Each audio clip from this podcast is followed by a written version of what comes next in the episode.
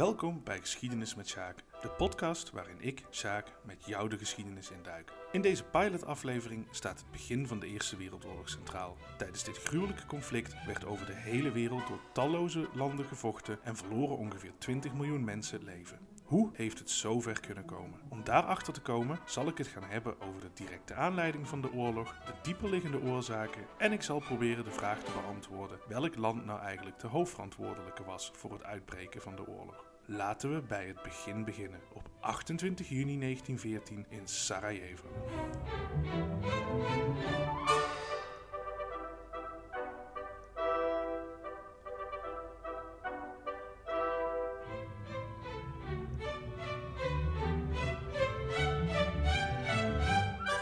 Op 28 juni 1914 hing in Sarajevo een gespannen opwinding. De troonopvolger van Oostenrijk-Hongarije, aartshertog Frans Ferdinand, zou die dag een officieel bezoek brengen aan de stad.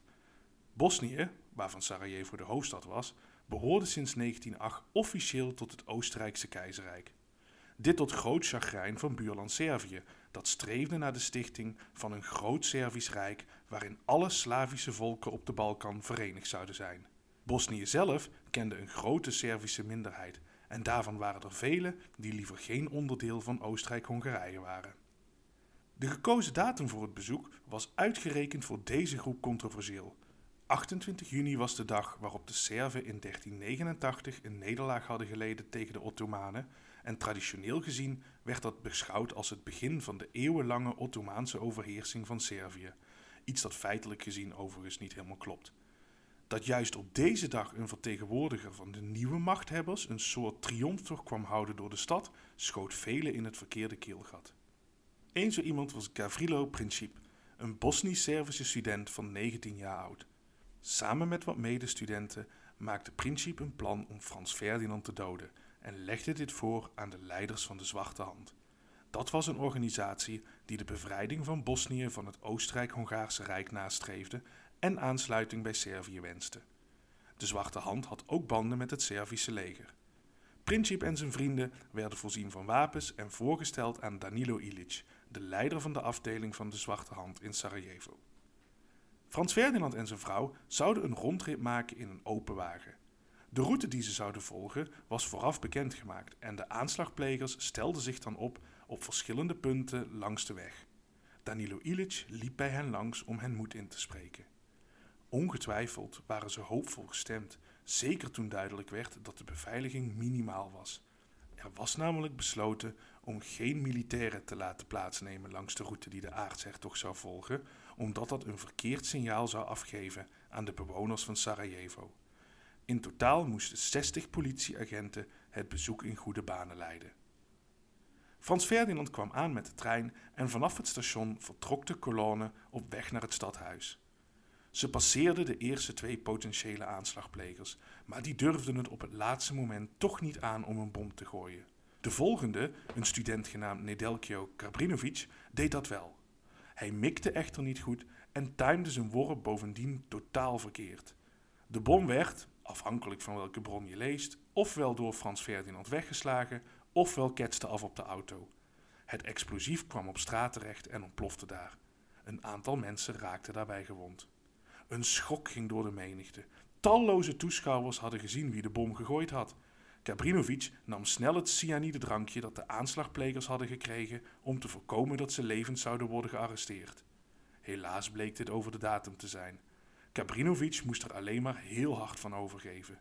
Daarop sprintte hij naar de rivier om zichzelf te verdrinken, maar door de hitte stond het water nauwelijks 20 centimeter hoog. Uiteindelijk werd hij gearresteerd, waarbij hij flinke klappen kreeg van zowel de politie als de omstanders. De auto waarin Frans Ferdinand en zijn vrouw zaten, was ondertussen op hoge snelheid doorgereden naar het stadhuis. Princip, die enkele honderden meters verderop stond te wachten, zag daardoor geen kans zijn pistool te trekken. Teleurgesteld droop hij af en besloot een broodje te gaan halen bij een nabijgelegen delicatessenzaak. In het stadhuis hield Frans Ferdinand ondertussen een toespraak, waarbij hij de burgemeester de nodige verwijten maakte over de gebrekkige beveiliging. Het papier waarop zijn speech uitgeschreven stond, was naar verluid nog nat van het bloed. Hij verweet de burgemeester dat de beveiliging gebrekkig was, maar hij prees ondertussen wel de inwoners van Sarajevo, omdat hij meende gezien te hebben dat ze blij waren dat de aanslag mislukt was. Ondertussen werd op de achtergrond overlegd of de rondrit nog wel voortgezet moest worden, of dat het leger wellicht ingezet moest worden om de route alsnog te beveiligen. Volgens de Oostenrijkse gouverneur van Bosnië was dat allemaal wel een beetje overdreven. Het was natuurlijk niet zo dat heel Sarajevo vol zat met aanslagplegers. Wel werd besloten om een tussenstop in het ziekenhuis te maken om de gewonden van de aanslag te bezoeken. De route moest daardoor worden aangepast. Die wijziging werd echter niet doorgegeven en dus sloegen de voorste auto's in de kolonne op een gegeven moment af naar rechts waar ze rechtdoor hadden gemoeten. Abrupt werd van achter geroepen dat ze verkeerd waren gereden. Geen probleem. De auto's gingen in de achteruit. Tergend langzaam stoten ze terug. Wie weet heeft Frans Ferdinand ondertussen even opgekeken. Dan heeft hij misschien gezien bij welke straat hij was. De Frans Jozefstraat, vernoemd naar de keizer van Oostenrijk-Hongarije. En misschien viel zijn blik zelfs wel even op Schillers, de delicatessenzaak die op de hoek van de straat lag. En wie weet zag hij zelfs de jonge man die naar verluid precies op dat moment naar buiten kwam.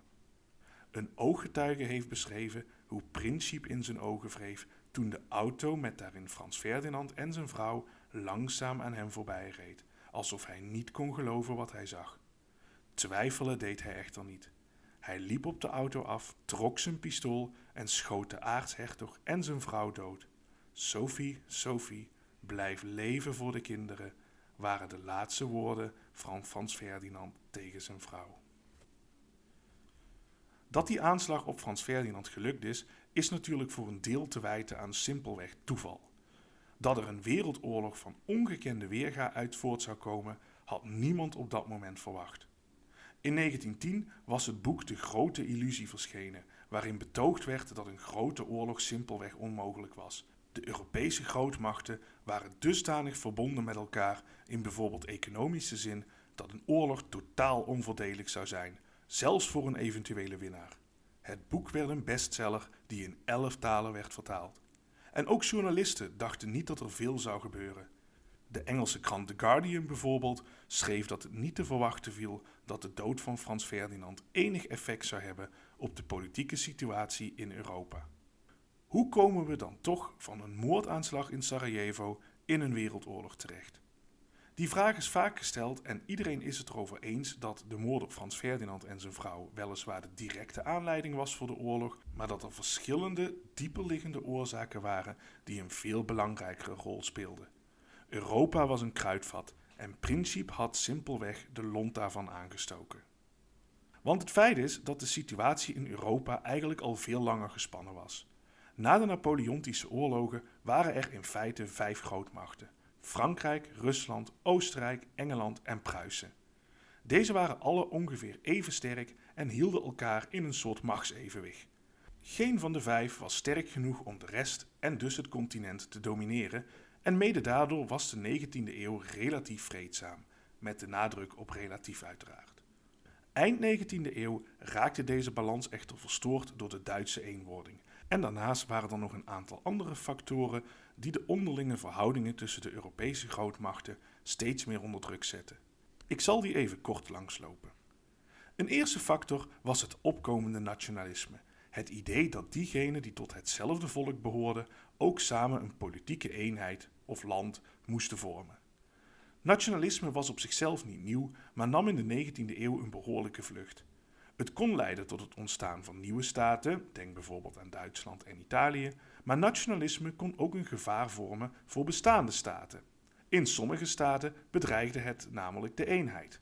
Oostenrijk-Hongarije bijvoorbeeld was een veelvolkerenstaat, met daarin talloze groepen Tsjechen, Kroaten, Polen, Roemenen, Hongaren en nog heel veel anderen die elk een eigen land wilden hebben of aansluiting bij een andere staat wensten.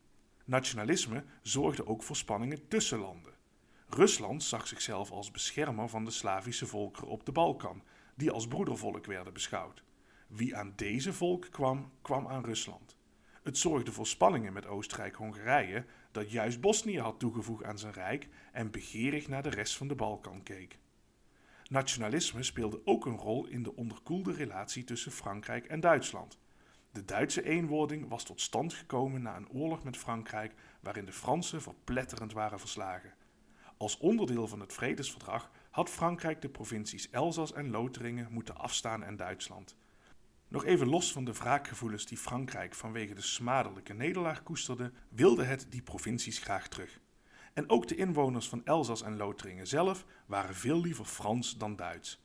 Onder hen ontstond dan ook een golf van nationalistische gevoelens.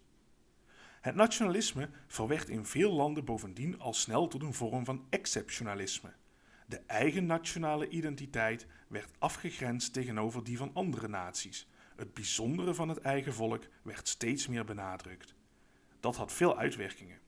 In Frankrijk bijvoorbeeld werd de nederlaag tegen Duitsland geweten aan de historische aard van het Franse volk, dat door de snelle Duitse aanval gedwongen was tot verdedigen. Iets waar het vanwege de Franse volksaard helemaal niet toe in staat was. De aanval werd in de Franse doctrine dan ook tot allerhoogste goed verheven. Het Franse élan zou de vijand breken, zoals Jeanne d'Arc, Napoleon en Lodewijk XIV dat eerder hadden gedaan. Deze houding zou een grote impact hebben op de manier van oorlog voeren in de Eerste Wereldoorlog.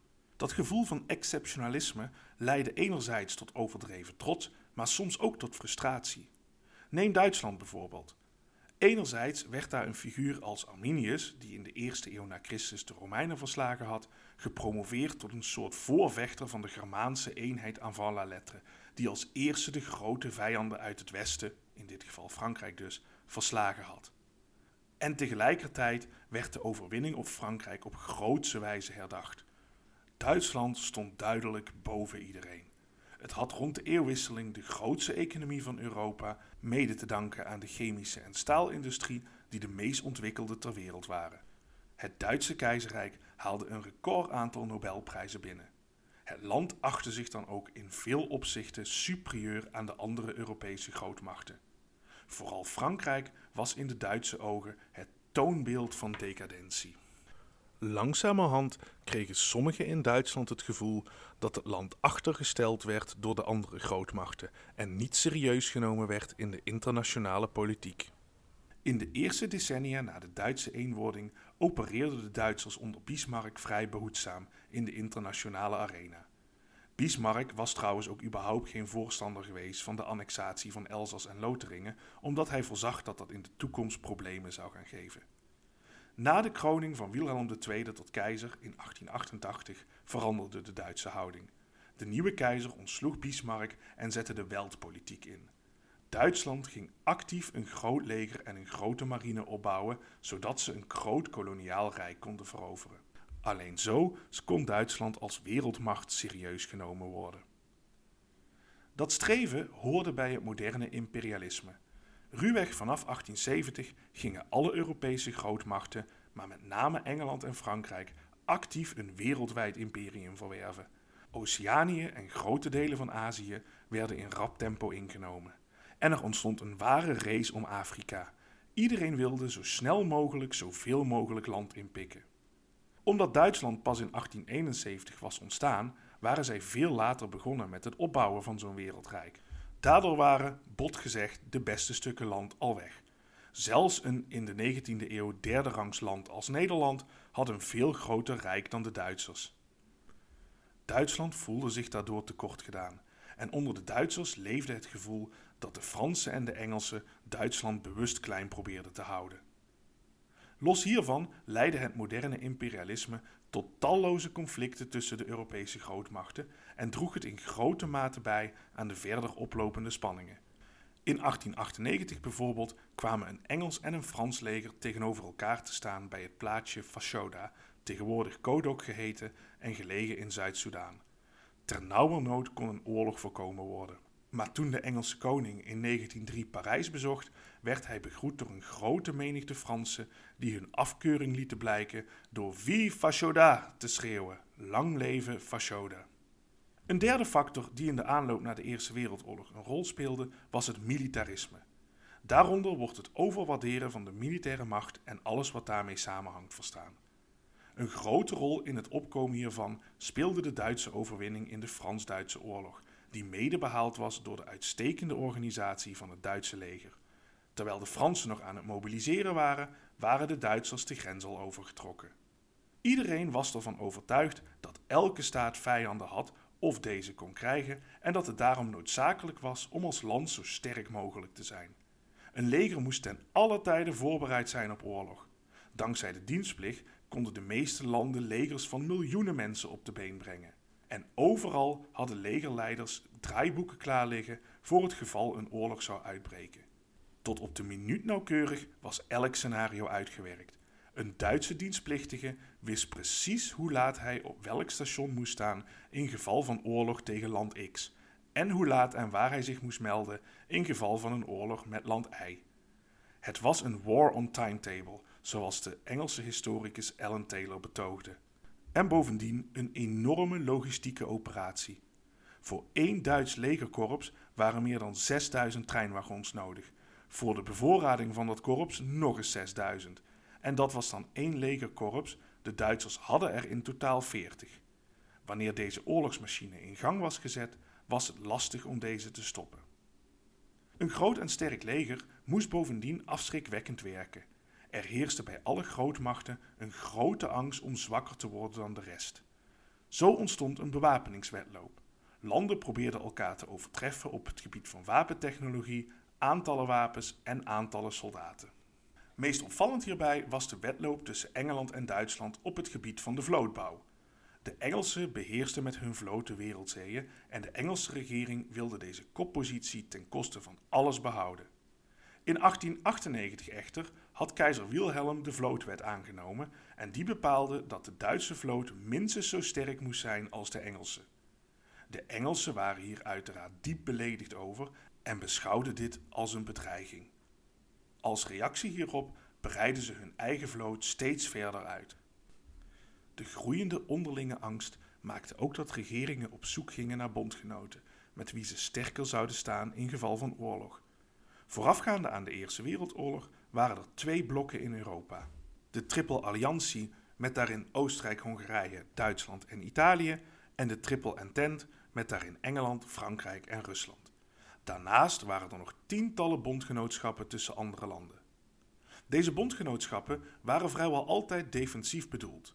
Frankrijk zou namelijk wel twee keer nadenken om bijvoorbeeld Duitsland de oorlog te verklaren, als ze wisten dat ze het dan ook tegen Oostenrijk-Hongarije moesten opnemen. Zo was althans de algemene gedachte. Het omgekeerde bleek echter waar. Want gesteund door bevriende staten achtten de grootmachten de kans op oorlog minimaal en werden daardoor juist steeds roekelozer. Niemand zou toch zo gek zijn om serieus oorlog te gaan voeren? En tegelijkertijd voeden al die bondgenootschappen de onderlinge angst alleen maar meer. Duitsland voelde zich bedreigd door de Triple Alliantie, die in hun ogen puur en alleen opgericht leek te zijn om Duitsland klein te houden. Keizer Wilhelm liet geen gelegenheid onbenut om dit te benadrukken. De keizer was op zijn best een ongeleid projectiel, wiens onvoorspelbare gedrag vaak tot problemen leidde. Hier zijn talloze voorbeelden van. Uh, eentje is bijvoorbeeld het interview dat hij in 1908 gaf aan de Daily Telegraph. Daarmee wilde hij de relatie met Engeland verbeteren, maar hij deed in dat interview zulke takloze uitspraken dat het een averechts effect had. Hij beweerde bijvoorbeeld dat hij diep beledigd was dat de Engelsen geen vriendschap met hem wilden, dat de opbouw van de Duitse vloot tegen Japan en niet tegen Engeland gericht was en dat Frankrijk en Rusland hadden geprobeerd om Duitsland tegen Engeland op te zetten tijdens de boerenoorlog in Zuid-Afrika. Een andere anekdote over het soms vreemde gedrag van de keizer stamt uit 1910. Toen was hij in Engeland voor de begrafenis van de Engelse koning Edward VII. En tijdens een diner in Buckingham Palace nam hij de Franse minister van Buitenlandse Zaken apart. Keizer Wilhelm stelde daarbij voor dat Frankrijk de kant van Duitsland zou kiezen in geval van een Duits-Engels conflict. De Franse minister was verbijsterd dat de keizer zo'n verzoek deed, nota bene in Buckingham Palace terwijl ze er waren voor een begrafenis. Enkele jaren daarvoor had keizer Wilhelm de Engelse koning trouwens uitgemaakt voor een echte Satan, nota bene tijdens een diner waar 300 gasten aanwezig waren. Een andere manier waarop Wilhelm de Triple Alliantie uit elkaar probeerde te halen, was door constant brieven te schrijven aan zijn neef, de tsaar van Rusland, waarin hij waarschuwde voor Engeland dat volgens hem voor altijd door God vervloekt was. Wellicht had Wilhelm best succes kunnen hebben. Nicolaas II had namelijk een hekel aan Engelsen. Hij had Engelsen ooit vergeleken met Joden, een andere groep mensen waar de tsaar nogal onaangename vooroordelen over had. Ook in Engeland zelf was er weerstand tegen een bondgenootschap met Russen. De Engelse liberalen en socialisten zagen Rusland als een achtergesteld land waar de tsaar nog steeds bijna alle macht in handen had en de bevolking zwaar onder druk werd. Het is eigenlijk tot het begin van de oorlog onduidelijk gebleven of de Engelsen inderdaad in geval van oorlog ten strijde zouden trekken. Dat hebben ze natuurlijk uiteindelijk wel gewoon gedaan. In het algemeen leek niemand te begrijpen dat dit ingewikkelde netwerk aan bondgenootschappen ervoor kon zorgen dat een klein conflict een groot deel van Europa in een oorlog zou slepen. Dat landen tegenover elkaar zouden kunnen komen te staan, puur en alleen omdat zij verplichtingen hadden tegenover hun bondgenoten.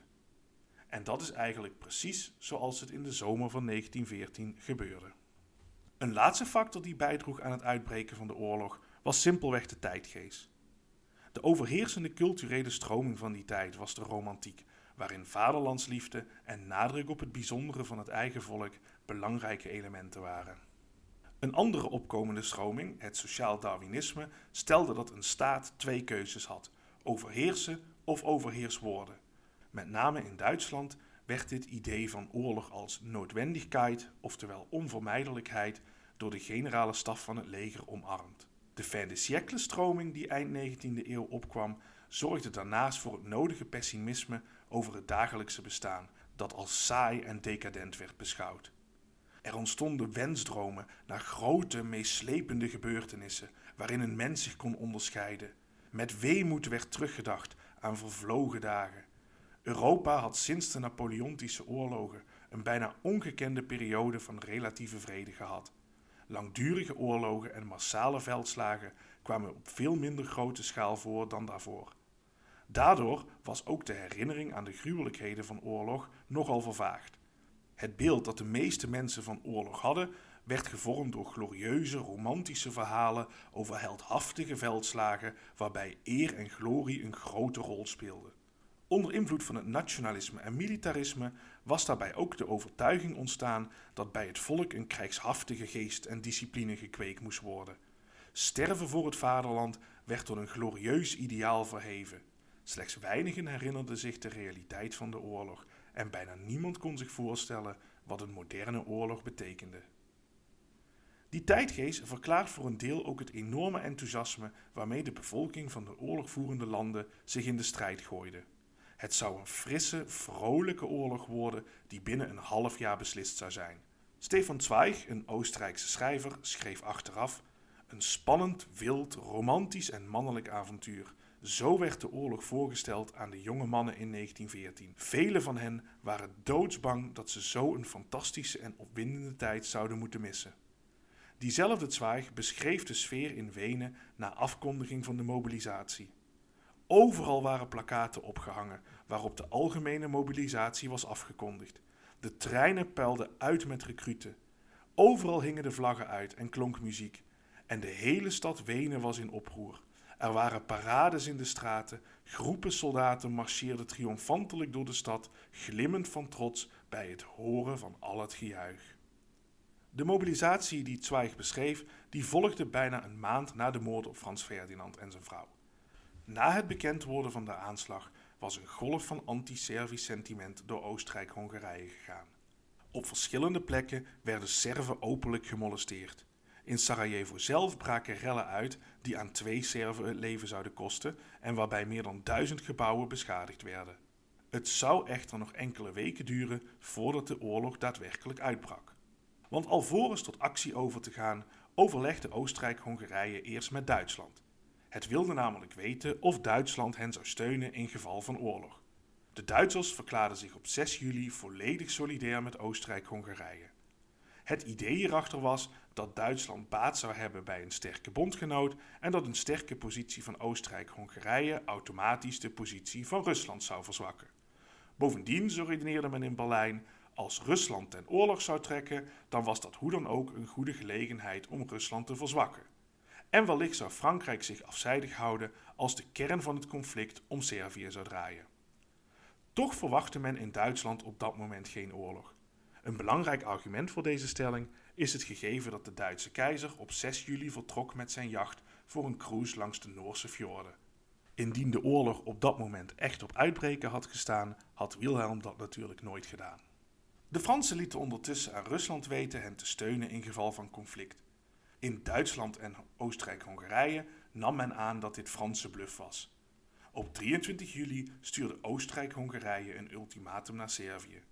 De eisen hierin waren dusdanig gortig dat het voor Servië simpelweg onmogelijk was om hiermee akkoord te gaan. Twee dagen later mobiliseerden de Oostenrijkers tegen Servië. Rusland besloot de Serven te steunen en mobiliseerde ook deels. Nu ging het opeens heel snel. Op 28 juli werd de oorlog verklaard en een dag later lag Belgrado al onder vuur. Op 30 juli mobiliseerde Oostenrijk-Hongarije volledig en Rusland deed die dag hetzelfde. Duitsland eiste dat Rusland zijn mobilisatie zou intrekken, maar daar gingen de Russen niet op in. Op 1 augustus verklaarde Duitsland daarom de oorlog aan Rusland. Frankrijk mobiliseerde diezelfde dag. Twee dagen later was het ook officieel oorlog tussen Duitsland en Frankrijk. En op 4 augustus trokken Duitse troepen België binnen. Daarop verklaarde ook Engeland de oorlog aan Duitsland. De Eerste Wereldoorlog was begonnen. De factoren die ik hiervoor genoemd heb, droegen elk bij aan het steeds verder oplopen van de spanningen in Europa. De aanloop van de Eerste Wereldoorlog is dus echt wel behoorlijk gecompliceerd. Desalniettemin roept het automatisch de vraag op wie nou eigenlijk de hoofdschuldige is voor het uitbreken van de oorlog. Maar dat is evengoed een ingewikkelde vraag. Na afloop van de oorlog werd de vinger nadrukkelijk naar Duitsland gewezen. Zij zouden de oorlog begonnen zijn. En dat werd zelfs opgenomen in artikel 231 van het Verdrag van Versailles. Tegenwoordig zijn historici daar niet meer zo zeker van. In de ruim 100 jaar sinds het uitbreken van de oorlog zijn er talloze theorieën over de schuldvraag ontstaan. Een heel bekende is de zienswijze dat de Eerste Wereldoorlog simpelweg onvermijdelijk was. De in deze podcast beschreven factoren hadden een situatie van dusdanige intense onderlinge spanningen gecreëerd dat die hoe dan ook tot uitbarsting zouden komen. Een kritiekpunt op deze zienswijze is dat hierbij de oorlog eigenlijk als iets onvermijdelijks gezien wordt en dat het handelen van de grootmachten in de aanloop ervan ja eigenlijk niet ter zake deed. En dat is simpelweg niet terecht, want elk van de grote vijf had één of meerdere redenen waarom ze niet onwelwillend tegenover oorlog stonden. Frankrijk bijvoorbeeld wilde wraak op Duitsland en wilde Elzas-Lotharingen heroveren. Duitsland wilde zijn plekje onder de zon opeisen en voelde zich bovendien ingeklemd tussen Rusland en Frankrijk. Iets dat grenstechnisch gezien in die tijd overigens ook zo was. Rusland werd door de Duitsers als een achterlijk land beschouwd, maar men realiseerde zich wel degelijk dat een geïndustrialiseerd Rusland een formidabele en wellicht onoverwinnelijke tegenstander zou zijn. Haast was dus geboden als Duitsland de dominante macht van Europa wilde worden. Een oorlog bood hier een unieke kans voor. Oostenrijk-Hongarije wilde uitbreiden in zuidelijke richting, naar de Balkan, en bovendien hoopten ze dat een oorlog de interne eenheid zou versterken. Rusland had ook ambities op de Balkan en zag zichzelf als beschermer van de Slavische belangen. En Engeland wenste haar positie als heerser op de wereldzeeën te behouden en had daarnaast traditioneel als allerhoogste doel om te voorkomen dat er één land het continent zou gaan domineren. De Schotse historicus Niall Ferguson betoogde in 1998 dat het juist Engeland was geweest dat de Eerste Wereldoorlog had kunnen voorkomen. Engeland had namelijk een bondgenootschap met Frankrijk gesloten, maar was in het eerste decennium van de 20e eeuw meerdere malen dicht bij een verbond met de Duitsers geweest. En volgens Ferguson was dat een veel verstandigere keuze geweest, want daardoor zou de balans tussen de grootmachten veel meer in evenwicht zijn geweest en wellicht zou dat ertoe hebben geleid dat Duitsland helemaal niet het gevoel had gehad dat een oorlog tegen Rusland en Frankrijk noodzakelijk was. Goed, als je het op deze manier bekijkt, had dus elk land een beetje schuld aan het uitbreken van de oorlog. En ook dat is een veelgehoorde theorie. Een argument hiervoor is bovendien dat alle grootmachten in de aanloop naar de oorlog beslissingen hebben genomen die de situatie eerder hebben doen escaleren dan het tegenovergestelde. Frankrijk bijvoorbeeld stelde zich zonder twijfel op achter de Russen, terwijl duidelijk was dat dit Duitsland zou provoceren. En Oostenrijk-Hongarije stuurde met dat onmogelijke ultimatum aan Servië bewust aan op een confrontatie, terwijl ze hadden kunnen weten dat dit tot problemen met Rusland zou leiden. Zoals zo vaak kun je elk van deze kwesties ook van een andere kant bekijken. Er is bijvoorbeeld ook door verschillende historici gesuggereerd dat de Servische regering op de hoogte was van de plannen om Frans Ferdinand te vermoorden. Of dat zo is, is onduidelijk, maar de meeste historici zijn het er wel over eens dat in elk geval het Servische leger betrokken was bij de aanslag. Als je de zaak van die kant bekijkt, stond Oostenrijk-Hongarije misschien wel gewoon in hun recht om stappen te nemen tegenover Servië. En dan zou je misschien zelfs kunnen zeggen dat Servië de hoofdschuldige was voor het uitbreken van de oorlog. En dan is er natuurlijk ook nog Duitsland. Want het waren de Duitsers die Oostenrijk-Hongarije een volmacht gaven om op te treden tegen de Serven. En het was Duitsland dat Rusland de oorlog verklaarde. En het waren uiteindelijk de Duitsers die België binnenvielen. Goed, om een lang verhaal kort te maken, die schuldvraag is nogal ingewikkeld. Het is eigenlijk ondoenlijk om een dader aan te wijzen. Ik zelf ben van mening dat alle grootmachten een deel van de schuld dragen, maar denk wel dat een belangrijk deel van de gebeurtenissen in de directe aanloop naar de oorlog toch echt gestuurd werden vanuit Berlijn. Goed, dat is mijn mening, daar hoef jij het uiteraard niet mee eens te zijn. De discussie over de vraag wie de hoofdschuldige van de oorlog is, zal waarschijnlijk nog heel erg lang gevoerd worden.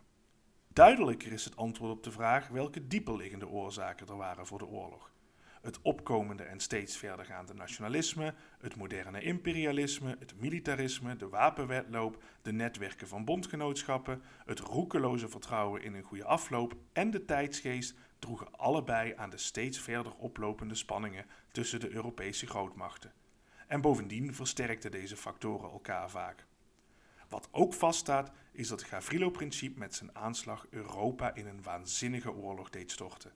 Een oorlog die hij zelf overigens ook niet zou overleven. Na een rechtszaak werd Principe veroordeeld tot 20 jaar cel. Hij kwam vast te zitten in een isoleercel in een gevangenis in Tsjechië, waarbij hij vrijwel constant vastgeketend aan een muur zat. Ongetwijfeld was hij zelf ook verbijsterd door hetgeen zijn daad teweeg had gebracht. Volgens zijn psychiater werd hij verteerd door schuldgevoelens, al was hij wel van mening dat een oorlog tussen de grootmachten onvermijdelijk was. In de gevangenis werd duidelijk dat Principe aan tuberculose leed, een ziekte die hij waarschijnlijk al voor de aanslag had opgelopen. Maar door de slechte omstandigheden van zijn gevangenschap verslechterde zijn toestand snel. Als gevolg van de ziekte moest zijn rechterarm geamputeerd worden en uiteindelijk overleed hij op 28 april 1918. Pas ruim anderhalf jaar na zijn dood kwam met het tekenen van de Vrede van Versailles een einde aan de Eerste Wereldoorlog. Van een frisse, vrolijke oorlog, voor zover zoiets überhaupt kan bestaan, was toen al lang geen sprake meer. Sommigen hadden dat vooraf ook al voorzien. De lichten gaan uit over heel Europa, en ik denk niet dat ze gedurende ons leven weer aan zullen gaan. Zo sprak de Engelse premier Grey op 3 augustus, één dag voordat Engeland Duitsland de oorlog zou verklaren. Die uitspraak is vaak geïnterpreteerd als een voorspelling dat de Eerste Wereldoorlog het einde van een tijdperk zou betekenen, een scharnierpunt zou worden in de wereldgeschiedenis. En inderdaad is de oorlog dat in een aantal opzichten geweest. Maar dat is iets voor een andere keer. Mocht je nou meer over dit onderwerp uh, willen weten, over het uitbreken van de Eerste Wereldoorlog is enorm veel geschreven. Je kunt online heel veel artikelen vinden, maar er zijn ook heel veel goede boeken. Ik heb voor deze podcast onder andere veel gehad aan de kanonnen van Augustus van Barbara Tuchman. En andere boeken die ik uh, kan aanraden over dit onderwerp zijn Slaapwandelaars van Christopher Clark en uh, nou, het standaardwerk over de Eerste Wereldoorlog van John Keegan. Goed, Daarmee zijn we aan het einde gekomen van deze aflevering. Heel veel dank voor het luisteren en vond je dit een leuke aflevering? Vergeet dan niet je te abonneren. Mocht je vragen of opmerkingen hebben of heb je zelf een suggestie voor een onderwerp, dan kun je een mailtje sturen naar geschiedenismetsjaak.outlook.com. Gewoon aan elkaar geschreven geschiedenismetsjaak.outlook.com. Voor nu, nogmaals dank voor het luisteren en tot een volgende keer.